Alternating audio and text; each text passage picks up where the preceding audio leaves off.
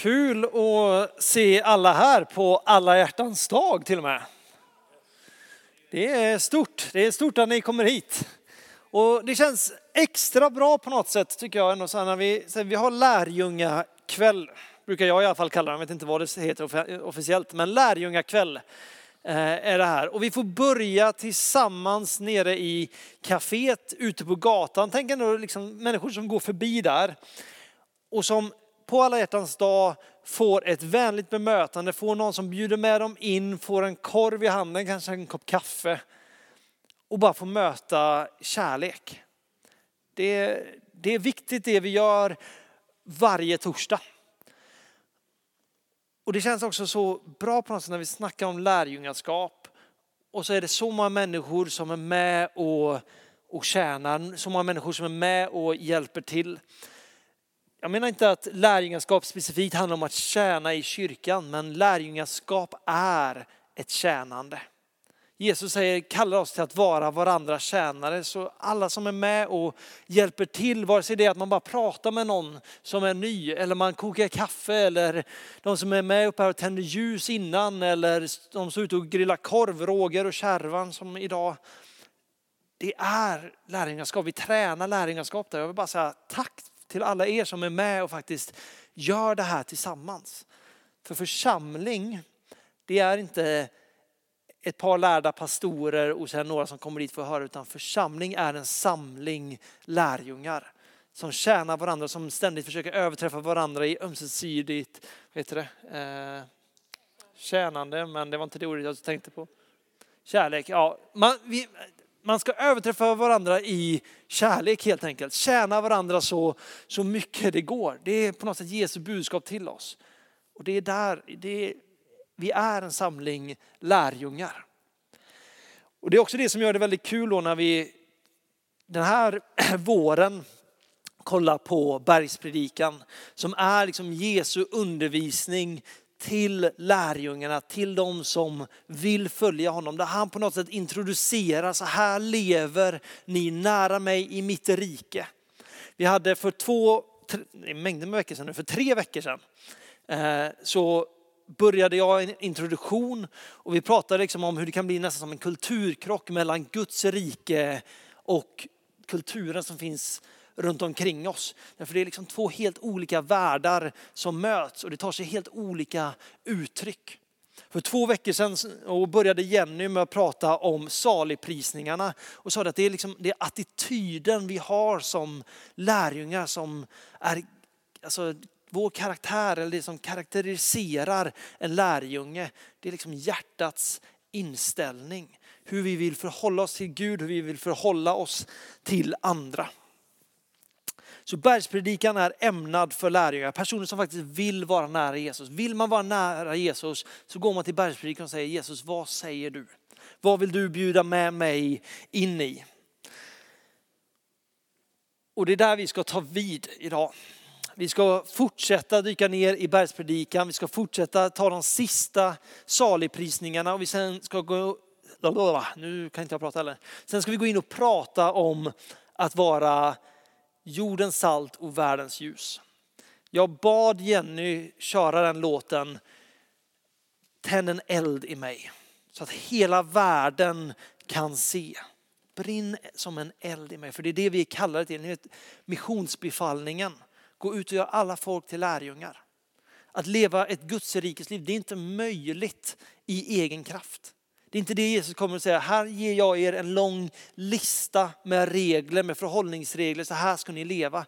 Utan det han kommer att säga att vill ni hålla er närmare mig, då bjuder ni in den helige ande och tillsammans med den helige ande så kommer ni att sakta växa närmare mig, bli mer och mer lik mig. Det är så det fungerar på något sätt i Guds rike. Vi har fått den helige ande för att hjälpa oss genom livet för att bli mer lika Jesus. Och med den heliga ande i oss så säger Bibeln att om Gud är för oss, vem kan då vara emot oss? Det är inte vårt uppdrag att övertyga världen med våra argument, utan det är vårt uppdrag att visa världen vem Jesus är.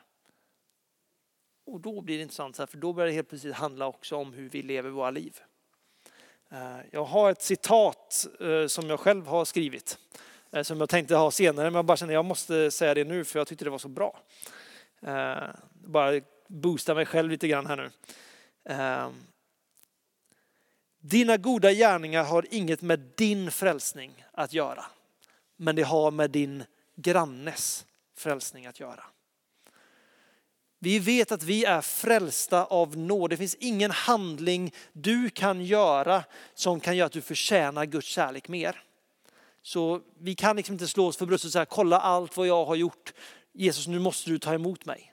Utan det är bara vad han har gjort. Det är hans nåd som gör att vi blir frälsta. Det är hans nåd som öppnar upp dörrarna till, till Guds rike. Men sättet som jag lever ut mitt liv på, handlingarna som jag gör, vittnar för personerna jag träffar om vem Jesus är.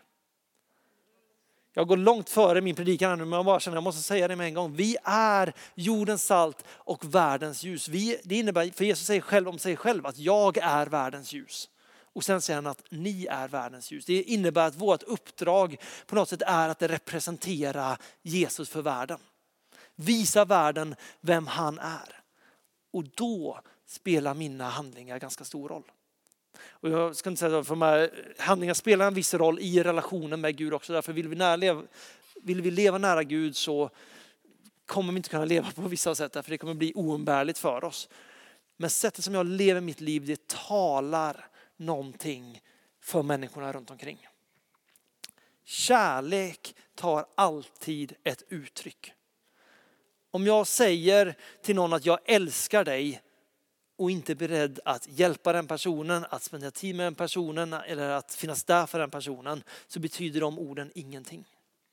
Samma sak är det i en lärjungas, i lärjungas situation. Jag kan stå och tala om för Gud att jag älskar honom. Men om mitt liv vittnar om något helt annat, hur ska världen kunna se att jag älskar Gud?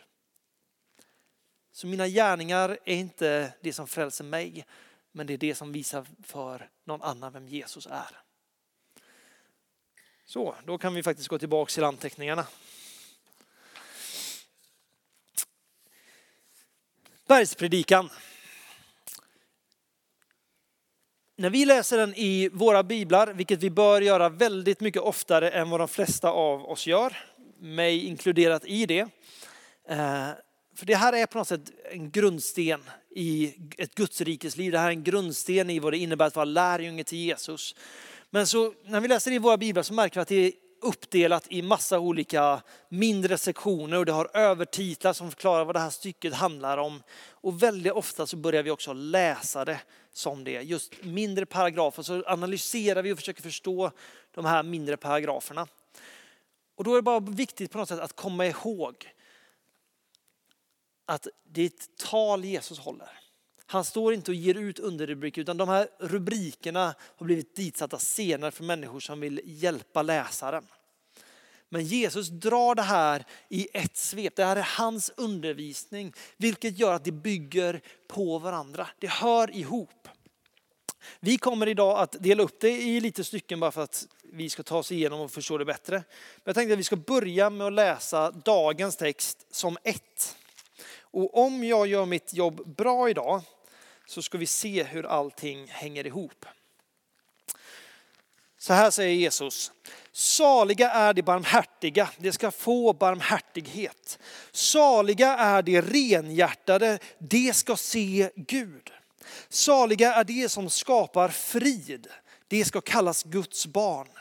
Saliga är de som blir förföljda för rättfärdighetens skull. De tillhör himmelriket. Saliga är ni när människor hånar och förföljer er, ljuger och säger allt ont om er för min skull. Gläd er och jubla, ty er lön är stor i himlen. På samma sätt förföljde man profeterna före er.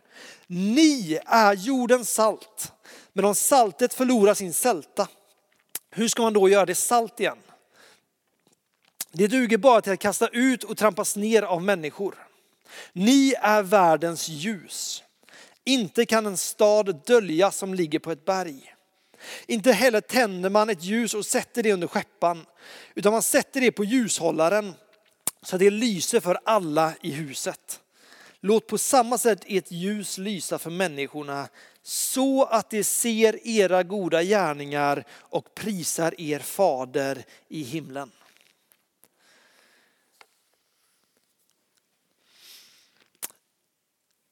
Bibeln är fantastisk.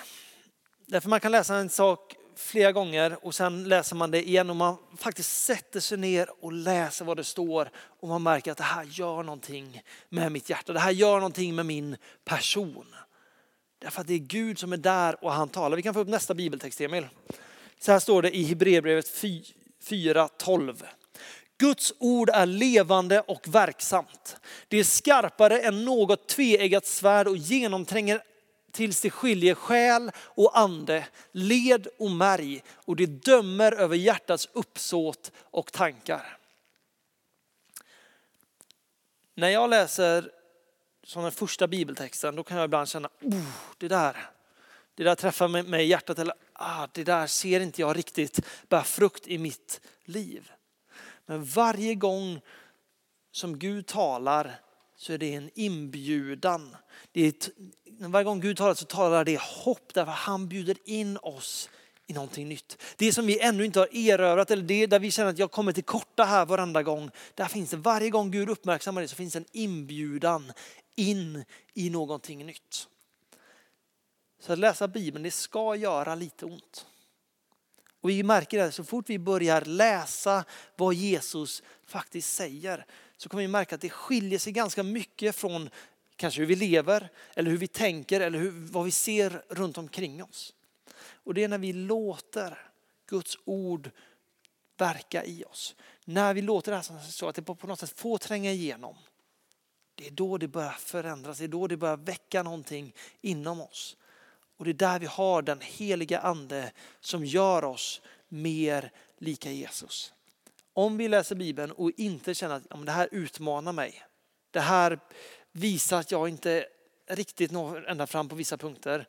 Då har vi läst Bibeln fel. Det finns ingen som kan läsa Bibeln och känna att ja, jag kan checka av alla det här. Och det är inte för att Gud dömer oss på det sättet utan det är för att Gud inbjuder och säger att det finns mer. Kom närmare mig, spendera mer tid med mig och du kommer få se mer av mitt rike bryta igenom. Men jag tänker så här, vi ska börja med verserna 7 till 9. Så för att ta oss igenom det här så måste vi dela upp det lite grann. Så vi kan ta upp vers 7. Saliga är de barmhärtiga, för de ska få barmhärtighet. Bara genom att läsa bergspredikan så märker vi att det här på något sätt, det här är någonting som har med Guds karaktär att göra. Det återkommer flera gånger i bergspredikan, det återkommer flera gånger i Nya Testamentet att så som ni behandlar andra så kommer ni bli behandlade. Eller om ni förlåter andra så kommer ni bli förlåtna. Det står så här i Matteus 6.12. Och förlåt oss våra skulder så som också vi förlåter dem som står i skuld till oss. Det är så Jesus lär oss att be. Markus 11.25 säger, och när ni står och ber, så förlåt om ni har något emot någon. Då skall också er himmelska fader förlåta er era överträdelser. Lukas 6, 37-38 säger, döm inte och ni ska inte bli dömda. Fördöm inte och ni ska inte bli fördömda. Förlåt och ni ska bli förlåtna. Ge och ni ska få. Ett gott mått, packat, skakat och rågat skall Gud ge er i famnen. Ty med det mått som ni mäter med skall det mätas upp åt er. Efesierbrevet 4.32 säger, var istället goda och barmhärtiga mot varandra och förlåt varandra, liksom Gud i Kristus har förlåtit er. Saliga är de barmhärtiga. Barmhärtighet är större än bara förlåtelse. Eh, det är mer, definitivt mer än en engångsföreteelse. För om vi tänker på vad det egentligen står, saliga är de barmhärtiga. Jesus är inte saliga eller välsignade eller lyckosamma är de som är barmhärtig vid ett specifikt tillfälle. Utan de som bär barmhärtighet i sitt liv. De som lever ut ett liv i barmhärtighet. Vilket innebär att när någon behandlar mig fel och det är någonting i mig som känner att jag vill ställa dem till svars, jag vill straffa tillbaka så att de får lida lika mycket som jag har gjort. Men när man väljer att visa barmhärtighet. Att säga okej, okay, det var inte okej okay det du gjorde. Men jag förlåter dig. Det som Bibeln visar om och om igen, eftersom att Gud har förlåtit oss så ska vi förlåta andra. Så det barmhärtiga på något sätt, det är de som har en inställning av att jag kommer inte bli offended, jag kommer inte ta det här som en förolämpning. Därför jag har mitt värde i Kristus Jesus. Jag vet vem det är som tjänar mig så jag behöver inte hävda min egen rätt. Saliga är de barmhärtiga. Att leva ut ett livsstil när man säger jag lägger ner mitt liv. Det handlar inte om att bli överkörd, det handlar inte om att bli trampad på. Jag lovar er, det här handlar inte om svaghet därför att det så, krävs så mycket mer styrka att inte slå tillbaks än att slå tillbaks. Det krävs så mycket mer styrka att inte förbanna någon som precis har förbannat dig själv utan istället välsigna. Men det är, att, in, det är att ta en position där jag inser att okej, okay, jag är kallad till att vara en välsignelse för andra. Jag är kallad till att älska andra. Så du kan komma åt mig with your best shot. Men jag kommer att lägga ner mina vapen. Innebär som sagt inte att man står upp för det som är rätt, innebär inte att man bara står där och tar skit.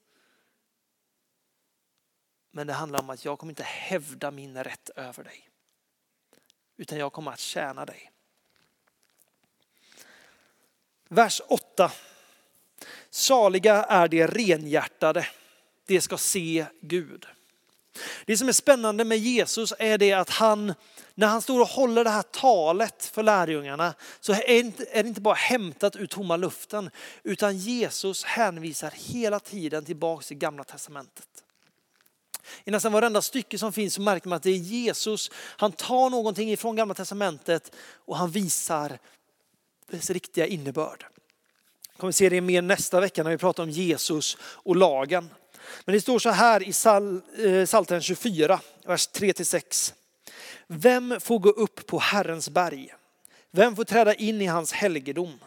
Den som har oskyldiga händer och ett rent hjärta.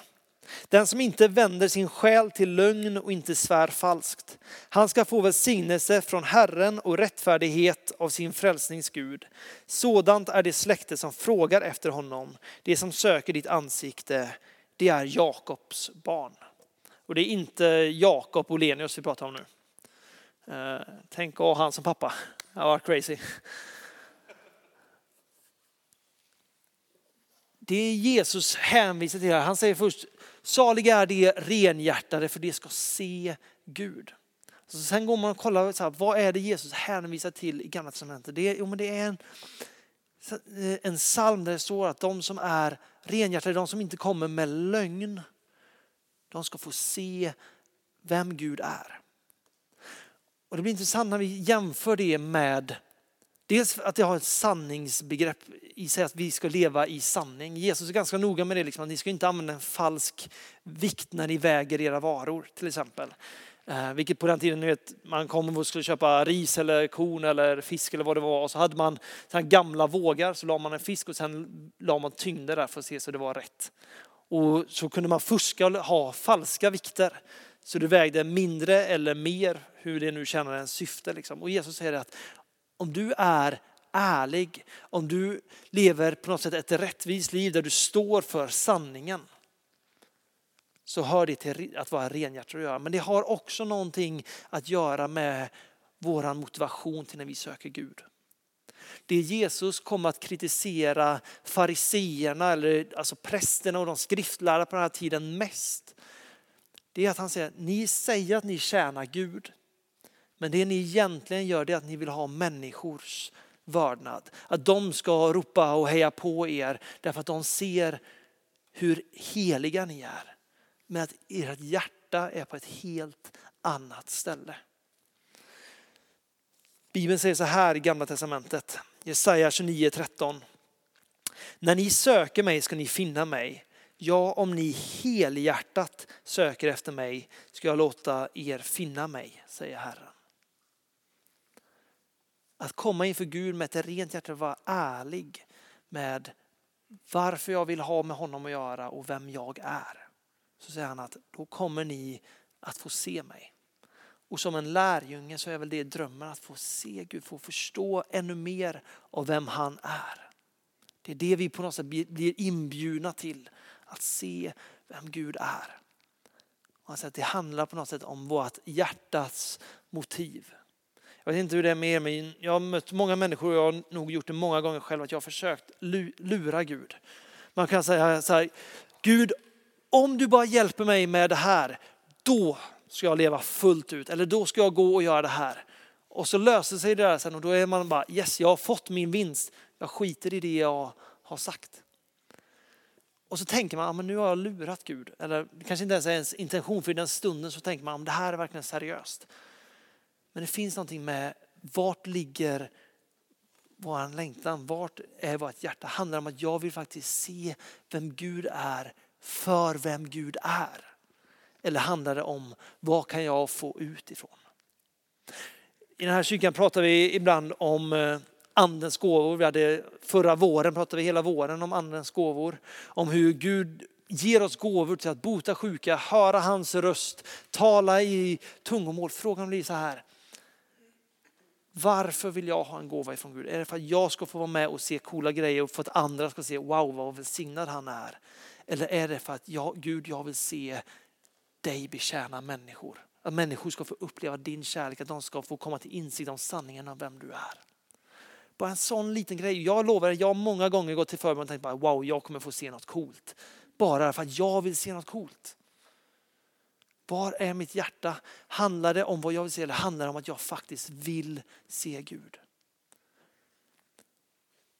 Jesus lovar i Bibeln att om ni söker mig så kommer ni finna mig. Men med det, om vi går tillbaka till gamla testamentet, så handlar det om att vi måste söka honom med vårt hjärta. Inte bara, okej, okay, visst, det hade varit coolt att se någonting. Utan det handlar om, Gud, jag vill faktiskt se vem du är. Då har han lovat att vi ska få se vem han är. Det handlar om hjärtats attityd.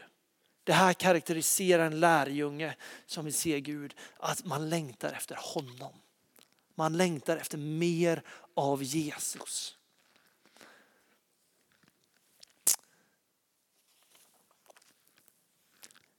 Vers 9. Saliga är det som skapar frid. Det ska, det ska kallas Guds barn. Inte Jakobs barn, utan Guds barn. Jakobs barn, det är på något sätt, alltså det är Israels folk. Jakob var en av stamfäderna, en av patriarkerna. Så att de säger att jag är Jakobs barn innebär att jag står i det här förbundet, jag står i det här arvet. Här kommer Jesus och säger att saliga är de som skapar frid, för de är Guds barn. De återspeglar någonting av vem deras pappa är.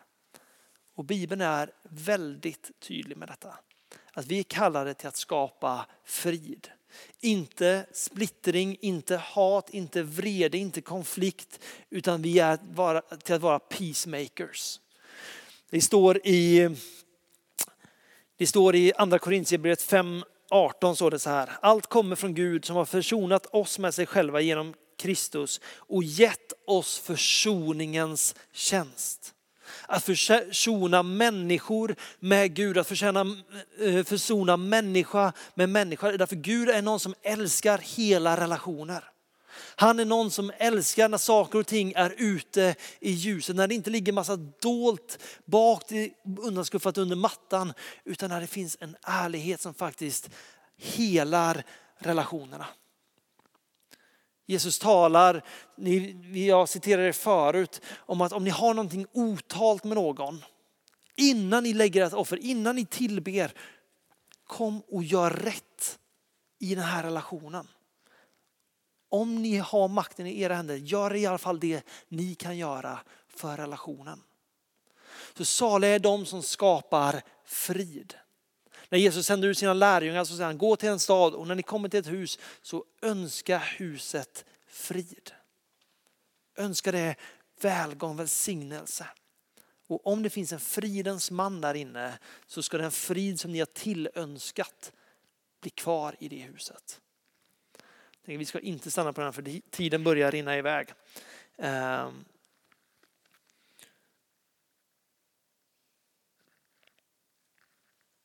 Det står så här i Psaltaren 34. Vänd dig bort från det onda och gör det goda. Sök friden och jaga efter den. Gud är fridens Gud. Om Gud är fridens Gud, då innebär det att vi som hans barn, vi som hans lärjungar borde bära den här friden, söka friden. För det är någonting som Gud själv bär. Så nu har jag gått igenom det som jag känner att jag måste gå igenom för att komma in i det som jag verkligen tror att det här är tyngden för ikväll. Vi har de sista verserna. Eh, vi tar vers 10 till 12 Emil. Saliga är de som blir förföljda för rättfärdighetens skull, för de tillhör himmelriket. Saliga är ni när människor hånar och förföljer er och ljuger och säger allt möjligt ont om er för min skull. Gläd er och jubla, för er lön är stor i himlen. På samma sätt förföljde man profeterna före er. Uppmuntrande text va? Säger ni? Saliga är ni när människor hånar er, när människor förföljer er, ljuger och säger allt möjligt ont om er för Jesus skull. Ja, det är kul. Det som är spännande i det här är när vi kollar versen innan. Saliga är det som blir förföljda för rättfärdighetens skull. För de tillhör himmelriket. Många av de saligprisningar vi har läst innan, det är rättfärdighet. Det är när vi vill hålla oss nära Gud och när vi är nära Gud får vi ta emot hans rättfärdighet. Men det luriga är det att världen kommer ha väldigt svårt att tåla det här. Det sticker i ögonen på folk i världen när man ser någon som är fri. När man ser någon som har en kärlek som de själva inte har eller kan förklara. Det vi ser med Jesus, Jesus kommer med kärlek och människor hatade Jesus. Jesus säger, när ni är rättfärdiga så kommer ni att bli förföljda. Men det är bara därför ni har himmelriket med er. Ni har Guds rike med er. Och går vi till Johannes 19 till 20 så hittar vi svaret om varför det är så här. Och detta är domen. Ljuset kom till världen och människorna älskade mörkret och inte ljuset eftersom att deras gärningar var onda. Ty var och en som gör det onda hatar ljuset och kommer inte till ljuset för att hans gärningar inte ska bli avslöjade. Tänk er att ni har suttit i en grotta väldigt länge. Era ögon har anpassat sig efter mörkret. Eller okej, okay, ta något mer som är lite lättare att känna igen sig i. Ni har precis vaknat. Någon kommer in i rummet och drar upp rullgardinen en varm sommardag och ljuset bara strålar in. Och det blir oumbärligt. Man slänger handen över och bara säger släck, släck därför det gör ont i mina ögon. På samma sätt är det när Guds rike möter samhället utanför. Därför det blir den här kulturkrocken som vi pratade om för ett par veckor sedan. När Guds rike kommer med någonting så klarar inte riktigt världen att hantera det. Därför det räcker bara med att vi kollar på vad är det egentligen världen målar upp som kärlek. Ja, men det, handlar om, det handlar om utseende. Det handlar om framgång. Det handlar om vad du har presterat. Det handlar om sex. Allt det där på något sätt är, ja, men det är saker som jag måste bidra med till bordet för att jag ska bli älskad. Och sen kommer någon och säga att jag älskar dig ovillkorligt. Inte för vad du har gjort. Du kan ha gjort hur mycket skit som helst. Men jag älskar dig ändå. Och det går inte ihop med deras världsbild. Det går inte ihop med jag som aldrig riktigt har känt mig älskad. Och nu kommer du här. Och Det är någonting i en som försöker slå ifrån. När jag vet att jag har gjort fel, då förväntar jag mig på något sätt att bli straffad. När någon väljer att lägga ner sina anklagelser, som har rätten på sin sida, så blir det, det blir, det går inte att, för många går det inte att ta emot.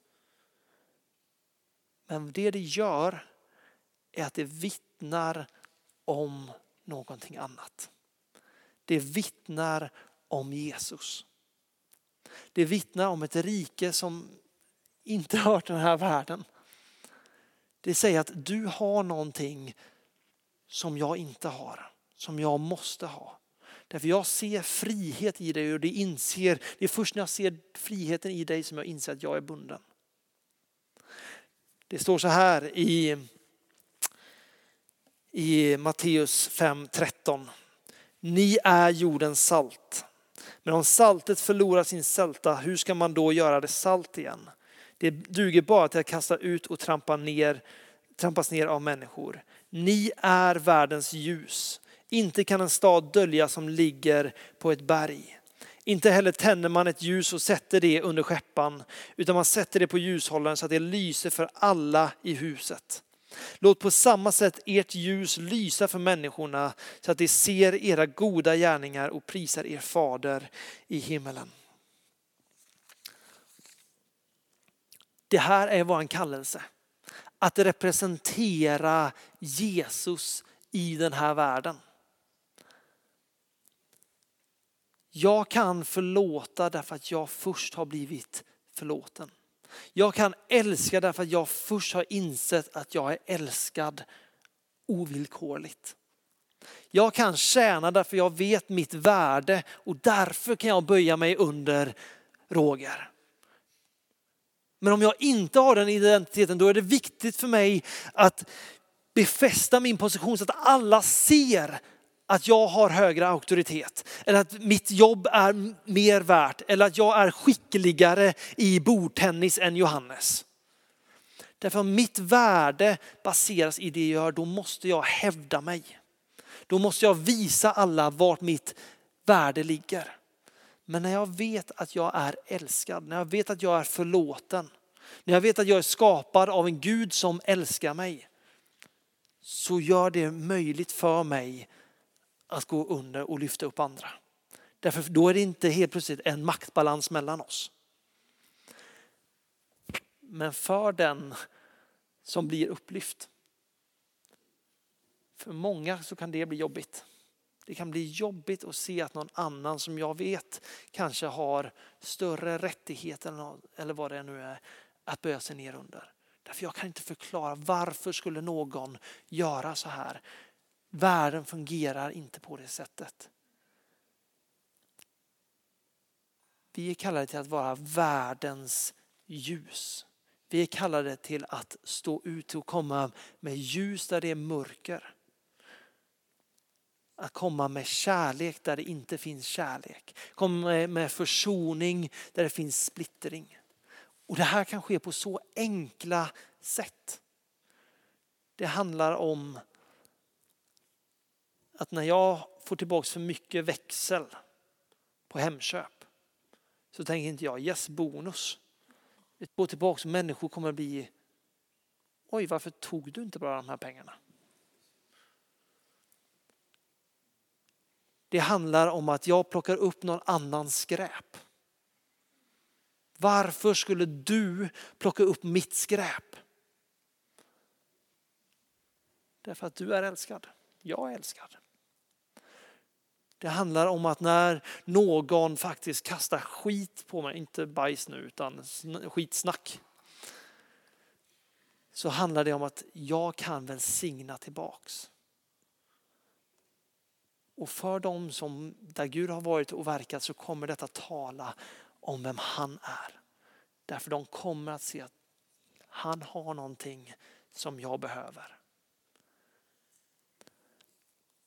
Och det är också spännande att säga, det är inte Bibeln talar här inte om ett litet ljus i ett hörn. Utan talar om en stad på en kulle eller på ett berg. Det här är kyrkans uppdrag. Det här, det, vilket gör att det är vårt uppdrag också. Att vara radikala älskare på något sätt. Men Bibeln säger att människor ska förstå att vi de ska förstå att vi tillhör Gud på sättet som vi älskar varandra. Genom att jag älskar någon så tar det sig ett uttryck och det kommer världen att få märka. För den här världen hungrar efter äkta kärlek. Den här världen hungrar efter sanning som håller.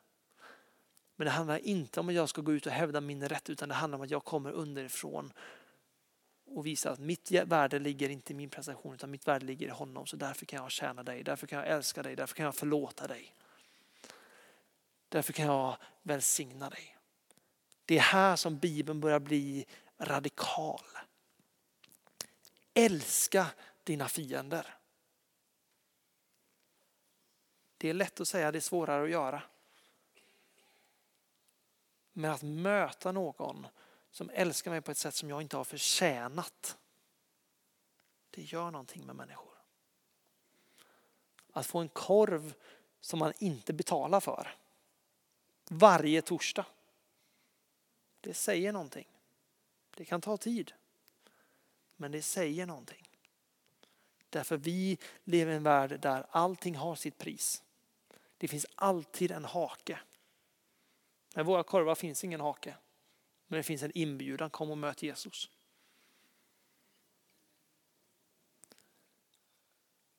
Att leva nära Jesus, ni kommer märka, ju djupare in i bergspredikan vi går, ju närmare vi vill vara Jesus så kommer vi märka att it's an upside down kingdom. Det fungerar på ett helt annat sätt. För det handlar inte om att jag ska hävda min rätt utan det handlar om att jag tjänar. Det handlar om att jag älskar, inte anklagar eller slår mig fram.